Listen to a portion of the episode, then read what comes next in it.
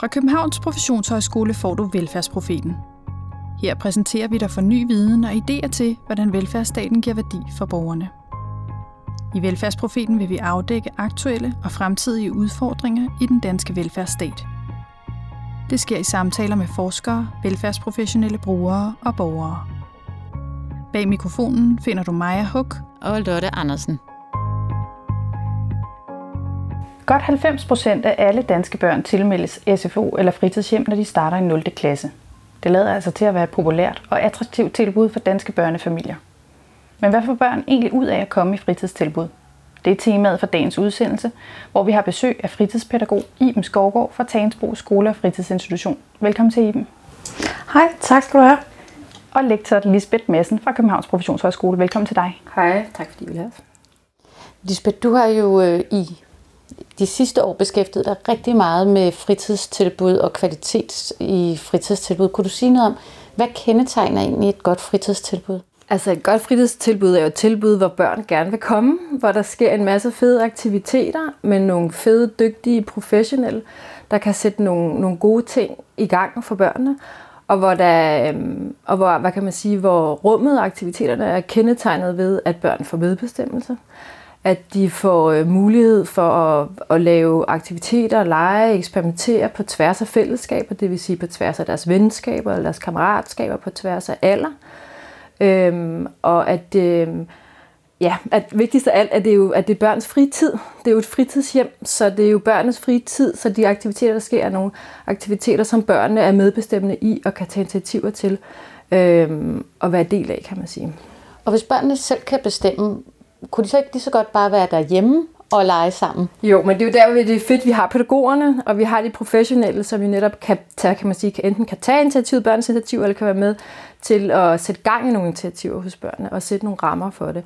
Øhm, og så er det jo også vigtigt, altså fritidsinstitutionerne er også et sted, hvor børnene øh, dels lærer på andre måder, end de gør i skolen, kan man sige, og hvor de jo netop, hvor den pædagogiske kompetence også er med til at have fokus på det her med trivsel og dannelse, at fritidspædagogerne og fritidshjemmene kan jo i høj grad være med til at vise børnene verden på en anden måde, end de får set verden i skolen, for eksempel, hvor, hvor kan sige, læring jo er det primære mål. Ikke? Og kunne du give nogle eksempler i dem på, hvordan gør man det? På den ene side giver børnene frihed til at gøre det, de har lyst til, og samtidig understøtter den her trivsel og dannelse. Altså, det, først og fremmest starter det hos pædagogerne, at øh, vi skal sørge for i vores institutioner, at der er det er stor difference i de forskellige slags voksne, der er. Det er altså det vigtigste til at starte med. At det ikke at man ser en type pædagog, som, som dominerer en hel øh, institution, men at man har forskellige pædagogtyper. For eksempel hos os, der har vi vi har øh, meget unge kvinder, meget unge mænd, vi har øh, ældre, og vi, altså vi har altså en, for, he, for hele parken har vi forskellige voksne, øhm, som hver især har deres egne kompetencer, som de, som de kan sætte i spil i institutionen. Øhm, det tror jeg er til at starte med det aller, aller vigtigste. Øh, Ja, hvordan sikrer man deres øh, trivsel? Altså jeg tænker, øh, SFO'er er jo også i dag større end de fritidshjem, der var, da jeg var barn i hvert fald. Ja. Og når man kommer som forældre, så kan det jo godt virke sådan øh, lidt kaotisk, hvordan, når man sender sin seksårige ind øh, til 100 eller 200 andre børn. Hvordan finder børnene så hen til de her forskellige pædagoger, eller finder det tilbud, der passer dem, eller de venner, de gerne vil være sammen med? Altså nu er jeg så heldig, at jeg kommer fra øh, hvad hedder det, en, øh, en institution, hvor vi er skolepædagoger. Det vil sige, at vi er inde i skolen i halvdelen af tiden, og så bagefter over i KKF'en. En KKFO er en SFO. Øh, I Københavns Kommune kalder man det bare en KKFO. Men øh, vi er med begge steder. Det vil sige, at når lille Mohammed eller lille Line starter i 0. klasse, og det kan være rigtig utrygt at komme over en institution med 275 andre børn, så er jeg med over mig. De har lært at kende igennem deres majperiode, som er den periode, som er overgangen fra børnehave og så til at starte i skole. Så kommer jeg med over på institutionen, og så kan de søge mig derover som en primær voksen. Efter, efter noget tid, det var det, jeg snakker om, det der med, at vi skal have forskellige voksne, der kan tilbyde noget forskelligt. Hvis så lille Line eller lille Mohammed øh, interesserer sig for fodbold, jamen så er der en voksen, der står, der står for fodbold næsten hver dag. Og så er det det, der begynder at trække, i stedet for skolepædagogen i der går med over i, i institutionen. Og hvad får børnene ud af at komme i de her fritidstilbud sammenlignet med fritidsaktiviteter som sport eller kor, eller hvad de nu går til børn? Altså det, der var interessant, sådan, sådan, øh, når man sætter fritidstilbud og hvad hedder det, fritidsinstitution op over for hinanden, det er, at sådan, sådan som jeg ser fritidstilbud, altså hvis vi snakker violin, eller vi snakker fodbold, eller sådan noget, så er det en, jeg ved ikke hvad et andet ord for det, en commitment, man laver. At man, man laver en aftale om, at hver lørdag eller hver tirsdag, så dukker man op til guitar, man skal øve sig på det, man skal blive bedre til, og man snakker hele tiden om det her med kompetenceudvikling, at du skal blive bedre til noget. Det behøver du ikke at blive på en, en KKFO. Du behøver ikke at blive bedre til noget. Du kan komme ind øh, efter en lang skoledag, og så kan du sætte dig ned og sidde og tegne og lad, øh, komme i flow ved at sidde og tegne en tegning hele dagen, eller du kan komme ud, fordi du har simpelthen så mange øh, tissemyrer i underbukserne, så du skal ud og bevæge dig, så kan du gå ud og, og spille noget fodbold, og der er der en kæmpe stor forskel af, at sådan, det frie valg er meget mere synligt i, hvad hedder de, i KKF'erne, øh, synes jeg, end, end i fritidstilbudene. Må jeg tilføje noget der? Mm. Ja, fordi jeg tænker også, at, at noget af det, i hvert fald hvis vi sammenligner med, øh, med andre fritidsaktiviteter, så kan man sige, at aktiviteterne, det har jeg i hvert fald hørt på et tidspunkt en pædagog sige, at, at hvad kan man sige, fritidsaktiviteterne, der er det jo netop, som du også beskriver i dem, det er jo ikke aktiviteten selv, der er målet. Altså det er ikke det, man skal blive dygtigere til at spille på klaver eller violin. Det er fedt, hvis man bliver dygtig til det. Men det er ikke det, der er målet i sig selv. Der er aktiviteten mere sådan et middel til det pædagogiske mål om netop at danne, og børnene skal trives, om at skabe fællesskaber. Så det vil sige, at man, at man, hvis man nedsætter en, hvad hedder det, et band, en, hvad hedder det, et SFO eller en klub, så er målet ikke, at de skal kun vinde MGP, men det er et middel til, at de opbygger et fællesskab, som måske går på tværs af de fællesskaber, de har over i skolen, hvor de er tvunget i nogle særlige klasser, eller at og de dermed måske møder nogle andre venner øh, og får skabt nogle andre relationer, som styrker dem, og som netop styrker dem i at være et menneske, kan man sige. Ikke? Så der bliver aktiviteten ikke et mål i sig selv, det bliver et middel til den, hvad hedder det, til den pædagogiske arbejde. Og der kan man jo også sige i forhold til det pædagogiske arbejde, øhm, og der tænker jeg jo, at man i hvert fald fra et professionsperspektiv vil sige, at, at man jo har en faglighed. Ikke? Det er en, hvad kan man sige, man har jo nogle kernekompetencer som, som pædagog eller som pædagogisk assistent, øhm, som jo er, hvad kan man sige, sådan nogle almen didaktiske redskaber i forhold til at kunne planlægge aktiviteter og sætte ting i gang og, og facilitere ting, som jo, øhm, som jo, hvad kan man sige, det er jo måske noget, der er naturligt for, for pædagoger, at de gør, men de har selvfølgelig nogle almindelige kompetencer, og det gælder jo ikke mindst i forhold til at have blik for det hele barn, at barnet trives igen. Hvis det ikke trives i et fællesskab, hvad kan vi så skabe aktiviteter, så barnet kan komme til at trives i et andet fællesskab, og der kan aktiviteterne igen være et middel til at få barnet til at trives. Ja, og så er det også hvad hedder det, det er også samtalen, der ligger i aktiviteten, at når jeg sidder oppe og laver øh, kumihimo, som er sådan en knytteteknik, som sådan relativt simpel og repetitiv, øh, det, det er ikke det, der er det vigtigste. Det er samtalen, jeg kan have. at Jeg kan sidde og snakke om, når man hvordan var det nu lige med den der bedstefar, som var syg, eller hvordan går det derhjemme med storebror, eller det er den samtale, man kan have, som, som er det primære i det, hvor det, det er det jo ikke i fritidsaktiviteterne, der er det jo ikke samtalen over, øh, guitarundervisning, som, som er, er det vigtigste. Der er det det, at du lærer at spille guitar. Hvis øh, trivsel og fællesskaber er et vigtigt mål her, så er det nogle særlige kompetencer, der skal til, som du også var inde på før, Lisbeth. Og du har jo været med til at, at lave en rapport, som blev udgivet for nylig om kompetenceudvikling på området. Kan du sige lidt mere om det her med, hvad er det egentlig for nogle kompetencer, der gør, at man kan facilitere de her rum? Man kan sige, rapporten var jo med til at prøve at afdække, hvad for nogle blinde pletter har vi ude i det fritidspædagogiske, øh, altså det fritidspædagogiske praksis, hvis vi skal videre Og man kan sige, det kommer sig jo af, at øh, på bagkant af skolereformen fra 2014, så har de fritidspædagogiske personale jo blevet uddannet primært ind i skolen. Så det vil sige, at de har fået kompetencer til at kunne være skolepædagoger, øh, og de har fået ret mange kompetencer, jeg viser et nyt, hvad hedder det, review fra VIA, øh, til at kunne samarbejde med lærere. Og det, det vil sige, at det, det er det, de er blevet videreuddannet inden for de sidste seks år i høj grad. Og derfor har der jo været et lille lag i forhold til at, øhm, at videreuddanne inden for de klassiske fritidspædagogiske områder. Så det, det viser simpelthen, at vi, vi endte med at, ligesom at udvikle fire kurser, hvor det ene kursus sådan set var almen fritidspædagogisk kompetence, som er noget af det, vi sidder i dag. Og det kan man jo, det var jo nogle af lederne, der sagde, det er der noget mærkeligt noget, for det har de jo, når de kommer ud som profession, altså når de er uddannet som pædagoger. Øhm, men der kunne vi se, at de har, sådan set, de har faktisk brug for at blive styrket på den der med, hvad er det nu, der er med den frie tanke? Hvorfor er det nu, det er vigtigt, at vi i fritidspædagog, altså når vi er som fritids, som pædagog i fritidsinstitutionerne, at vi arbejder med det fritidspædagogiske, og ikke med det, vi gør over i skolen, for eksempel. Øhm, og så var det det andet, øhm, hvad kan man sige, det andet kompetence, eller andet kursus, vi udviklede, det var omkring øhm, hvad hedder det, fællesskaber. Lige præcis. Ikke? Hvordan kan vi arbejde med fællesskaber? Hvordan kan vi arbejde med fællesskaber? Øh, at skabe deltagelsesmuligheder for børns fællesskaber. Og det var også ind i sådan en social inklusionstanke, at vi kan arbejde med social inklusion, som jo også er gældende ude i skolerne. Det kan vi i høj grad også styrke ind i det fritidspædagogiske arbejde. Og så var der mere, så var der to kurser, som lagde sig mere op af den målgruppe, som vi kan se, øhm, i hvert fald arbejdsmæssigt fylder meget i det fritidspædagogiske område. Det er jo børn og, uds- altså børn og unge i udsatte positioner. Øhm, så der var et kursus, der i højere, der, der har særlig fokus på det her med ny udsathed. Altså det, som vi jo også hører meget om i de her dage i medierne. Øh, børn, der har angst eller manglende selvværd og skoleværing. Øh, ja, selvskadende adfærd. Altså, hvad gør fritidspædagogerne, når de netop i de dialoger, som hvad hedder det, I refererer til, når de bliver opmærksom på, at det er faktisk sådan, børnene har det, hvordan kan pædagogerne så være en støtte for børnene, altså være børnenes advokat i den her sag. Det er ikke dem, der skal løse problemet, men de skal være barnets advokat i den her sag.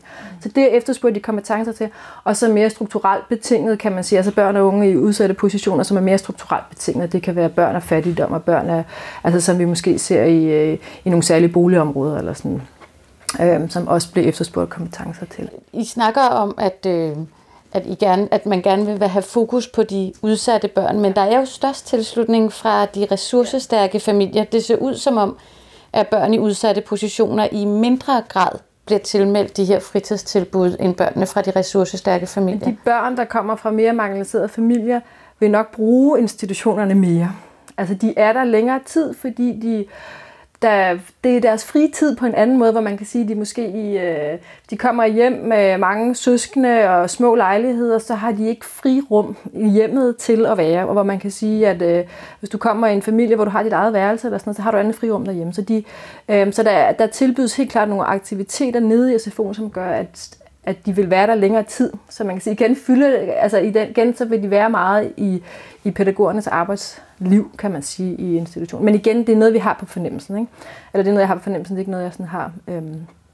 Og, men det er i hvert fald derfor, at vi tænker, at det fyldte meget i, hvad hedder det, i den undersøgelse, for det var overraskende for os faktisk, at det var nogle kompetencer, man efterspurgte. Og så er der jo det med hele det nye udsatthedsbegreb, kan man sige, som jo netop går på tværs af børn, uanset nærmest social klasse, kan man mm. sige. Ikke? Altså, fordi det er jo, vi ser jo netop angst og, og skoleværing og diverse ting hos alle typer af børn. Ikke? Altså, så på den måde, så, er det jo, så kan man sige, så bliver alle børn og unge udsat. Ikke? Altså, er det også noget, du kan genkende i? Kan du se, at der er en udvikling eller i forskelle på de udfordringer, børnene har? Altså, det er ligesom Lisbeth nævner, at der kommer nogle andre typer, f.eks. selvskadende børn, eller angste børn, eller skoleværende Absolut. børn.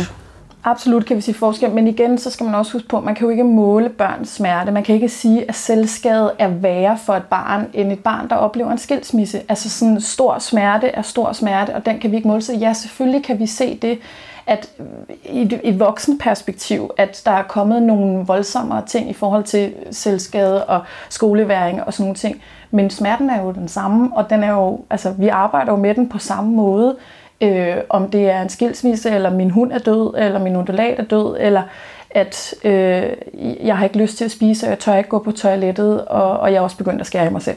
Altså sådan, selvfølgelig er der noget, øh, hvad hedder sådan noget organisatorisk, eller hvad man siger, som er anderledes i forhold til, øh, hvem der skal underrettes i sådan nogle situationer, men, men mit arbejde er jo det samme, fordi at vi snakker om børnenes sorg, og det kan du ikke måle. Og du har været med til at bidrage fra et øh, praktikerperspektiv til Lisbeths undersøgelse om kompetenceudvikling. Ser du, at øh, selvom man ikke kan måle smerte, at der, at der er sådan et kompetencebehov for, at I kan møde de nye udfordringer, børnene har?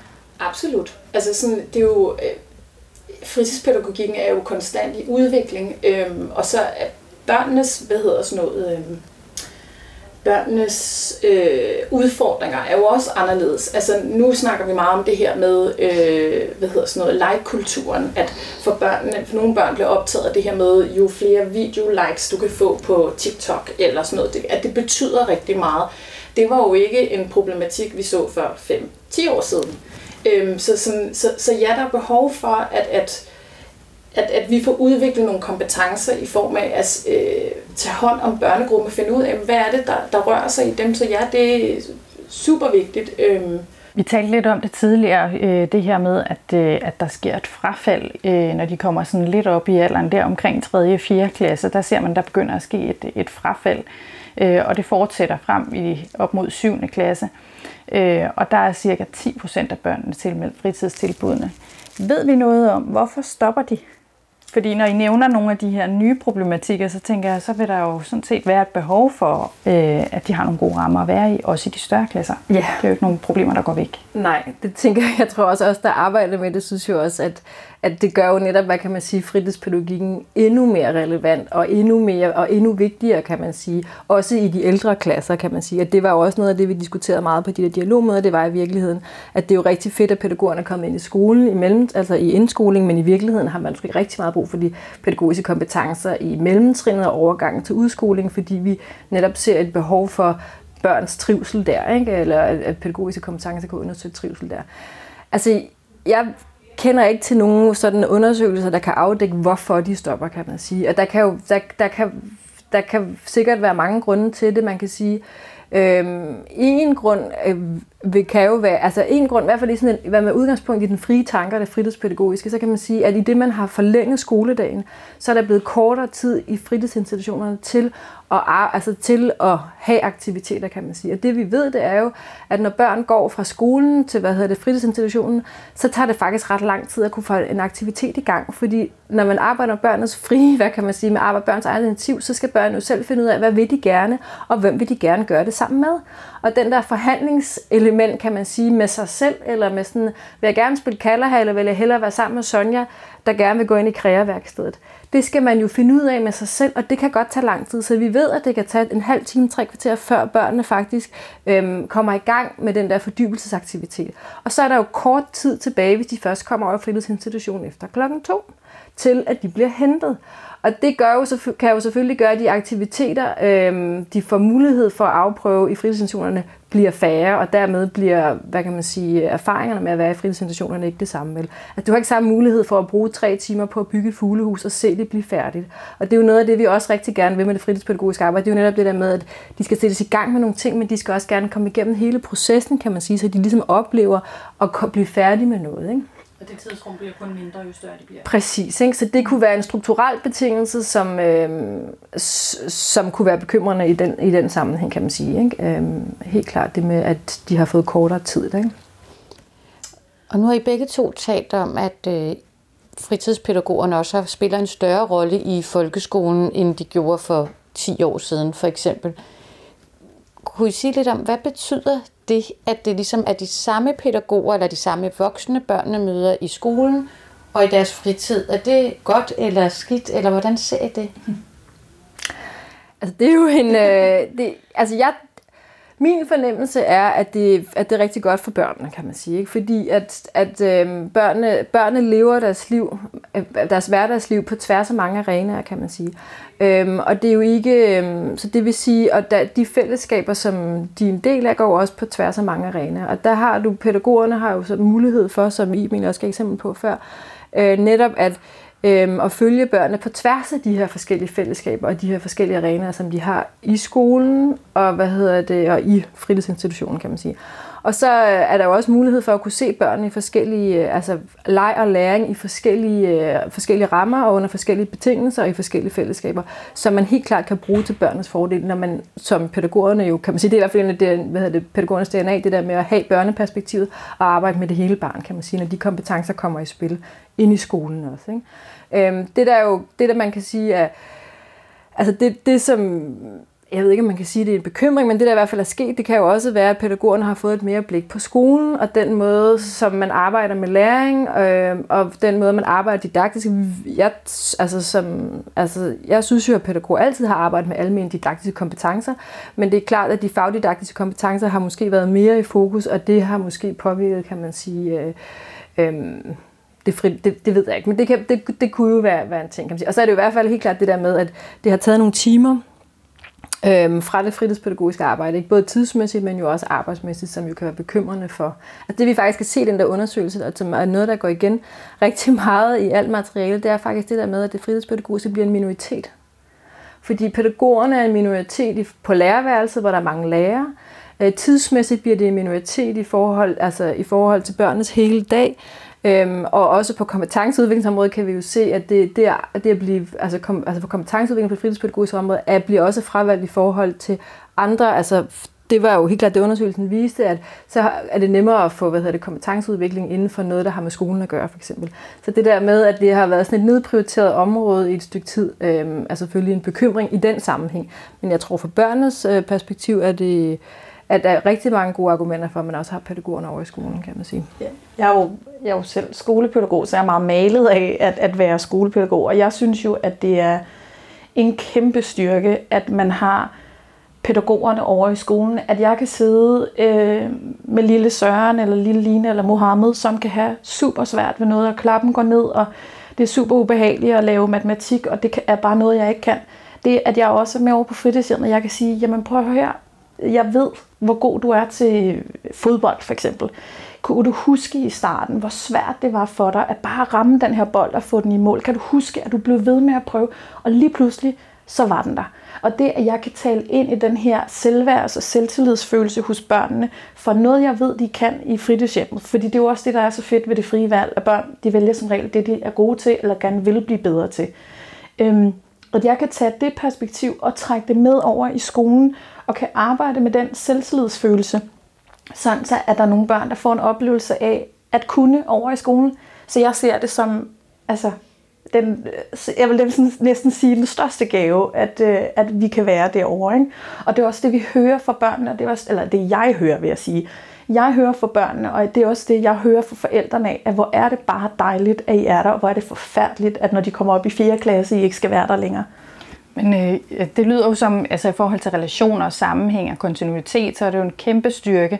Der er jo også noget i det, Lisbeth siger, hvor det måske også er sådan lidt to forskellige måder at tænke på, at være meget læringsmålsorienteret op imod det her med at tænke i fællesskab og trivsel og dannelse. Skal du skifte dine pædagogfaglige kompetencer, når du går fra skolen over i øh, fritidsinstitutionen? Det sker helt automatisk. Øh, jeg er markant strengere i skolen, end jeg er på fritidshjemmet. Og jeg synes altid, det er interessant, at børnene kan godt navigere i det og finde ud af, hvornår er jeg KKFO i dem, altså SFO i dem, og hvornår er jeg skole i dem. Øhm, et, et rigtig godt eksempel her, sidste år, der startede jeg med 0. klasse, og de første to uger, når vi gik fra skoledelen, og så over på, øh, over på, på hvad hedder det, KKFO'en, der rakte de hånden op hvor jeg siger, men nu er du, på, nu er du over på, på ulen, nu, du behøver ikke række hånden op, og du behøver ikke spørge om at gå på toilettet. Det gør du bare. Øhm, og børnene også sådan, øh, kommenterer, at sådan, du er faktisk ret sjov, øh, du siger nogle mærkelige ting, du er lidt en mærkelig voksen, for at sige, ja, men der er også forskel på, hvordan vi er i skolen, og hvordan vi er øh, på, hvad hedder det, øh, på KKF'en. Så du bliver også lidt en rollemodel, for måske for børnene i forhold til det, du talte om i, nej, undskyld Lisbeth, at man er forskellig i forskellige arenaer, så du 100%. hjælper også børnene til den overgang. Her i Velfærdsprofeten, der plejer vi altid sådan hen mod slutningen lige at bede vores gæster om at kigge lidt ind i krystalkuglen og sige lidt om, hvad, hvad tænker I fremtiden vil bringe for, for det område, vi debatterer. Så hvis vi spørger jer, hvordan ser fremtidens øh, fritidsinstitution ud? Skal jeg lægge ud? Skal ja jeg jeg synes jo, at, at vi rammer et momentum, og det, øh, som burde være helt oplagt, fordi at, og måske på baggrund af corona, hvor vi har prøvet at have fri tid mere som voksne, så er det frie tid er vel noget af det, vi alle sammen gerne vil have lidt mere af. Så på en eller anden måde, så taler det jo taler det i hvert fald rigtig meget til mig, det der med, at jeg faktisk har noget tid, hvor jeg ikke skal gøre det, som min arbejdsgiver synes, jeg skal gøre, eller ordne det praktiske hjemmet, eller, eller sørge for at holde mig sund, som, som, som velfærdsstaten synes, jeg skal, men faktisk er noget, som jeg har lyst til. Og det synes jeg ikke, at jeg har så meget tid til i min hverdag, så jeg er vildt glad for, at mine børn har den mulighed. Og der tror jeg måske, at vi rammer sådan samtidsmæssigt kunne hele det med det fritidspædagogiske, og det med at, at kunne arbejde altså skabe selvværd ved også at styrke sine egne øhm, muligheder for at vælge til og fra, og kunne sige til og fra, og kunne blive dygtigere til at sige til og fra i forhold til, hvad man, hvad man gerne vil. Øhm, der tror jeg måske, det fritidspædagogiske som et fagligt felt godt kunne ramme et momentum nu her. Altså, der, måske er der et momentum for, at man godt kunne få det fokus, kan man sige. Så det, det, der håber jeg måske, man kunne få det styrket, øhm, det faglige område på det. Altså jeg har lidt en drøm øh, om, omkring, hvordan fremtidens fritidstilbud kommer til at se ud. Øh, nu er det ikke fordi, det skal handle om corona, og det har vi snakket nok om i, i, hvad hedder det, i Danmark for tiden, men, men det er mere, der, det jeg har oplevet i hele den her corona-skole, corona-fritidshjem, øh, SFO, KKV, eller hvad vi nu skal kalde det, at vi gik en lille smule tilbage til den her gamle 1990'erne tankegang omkring fritidshjemmet, at øh, tiden var noget andet, så der var mulighed for en helt anden form for fordybelse, både for de voksne, men også for børnene i, i hvad hedder det, fritidsinstitutionen. Øhm, at det her med, at man kan, man kan bruge en hel dag på den samme aktivitet, at børnene, øhm, altså de skulle stadigvæk vælge til, og vi skulle vælge aktiviteterne sammen, men det, at man kunne, altså, kunne komme i den her vilde fordybelse. Altså hvis man tænker på hele det her med, man kommer ind på sit fritidshjem, og så beslutter man sig for, at man skal lave et sterillys, og så sidder man en hel dag og, og drypper det her sterillysmasse, øh, til, det, til det bliver et, et rigtigt sterillys. Jeg, jeg ved godt, det er et øh, mærkeligt eksempel, men det er mere sådan et eksempel på den her fordybelsesproces. Øhm, og min drøm er, at vi går en lille smule tilbage, for vi kunne se, at det fungerede i coronatiden at gå en lille smule tilbage og så tage nogle af de ting, der var det bedste ved den her fritidshjems tankegang og det her frie valgs tankegang. Vi taler varmt om den frihed, der er koblet til fritidstilbudene. Men kan alle børn magte den frihed, eller er der nogen, som det er svært det med at vælge, og som har mere brug for den struktur, der er i skolen måske? Vil du svare? Ja, det kan jeg godt. Ja, altså sådan, men det er jo så, så, selvfølgelig er der også det. Men altså, det er jo, igen, det er jo der, hvor vi hele tiden kan trække på hinandens kompetencer. Altså, jeg er i et lærerteam med, med den samme gruppe lærere. Det er jeg sådan fra første klasse til og med tredje klasse. Øhm, det, at om, det, om problematikken er, øh, at det er svært over i skolen, eller om det er svært over på fritidshjem, så trækker vi jo på hinandens kompetencer og kan hjælpe hinanden. Og det er jo det, der er så fantastisk med det samarbejde, der er mellem skole og, og hvad hedder det, fritidsområde, øhm, eller kan være fantastisk i hvert fald ved det, det er, at når vi samarbejder, så uanset hvor problematikkerne ligger henne, så øh, får, altså får vi det bedste ud af hinandens kompetencer, og kan i sidste ende hjælpe barnet, som er det, der er pointen med det hele. Ikke? Og med det blik ind i krystalkuglen, tusind tak, fordi I ville dele jeres erfaringer og tanker og viden med os.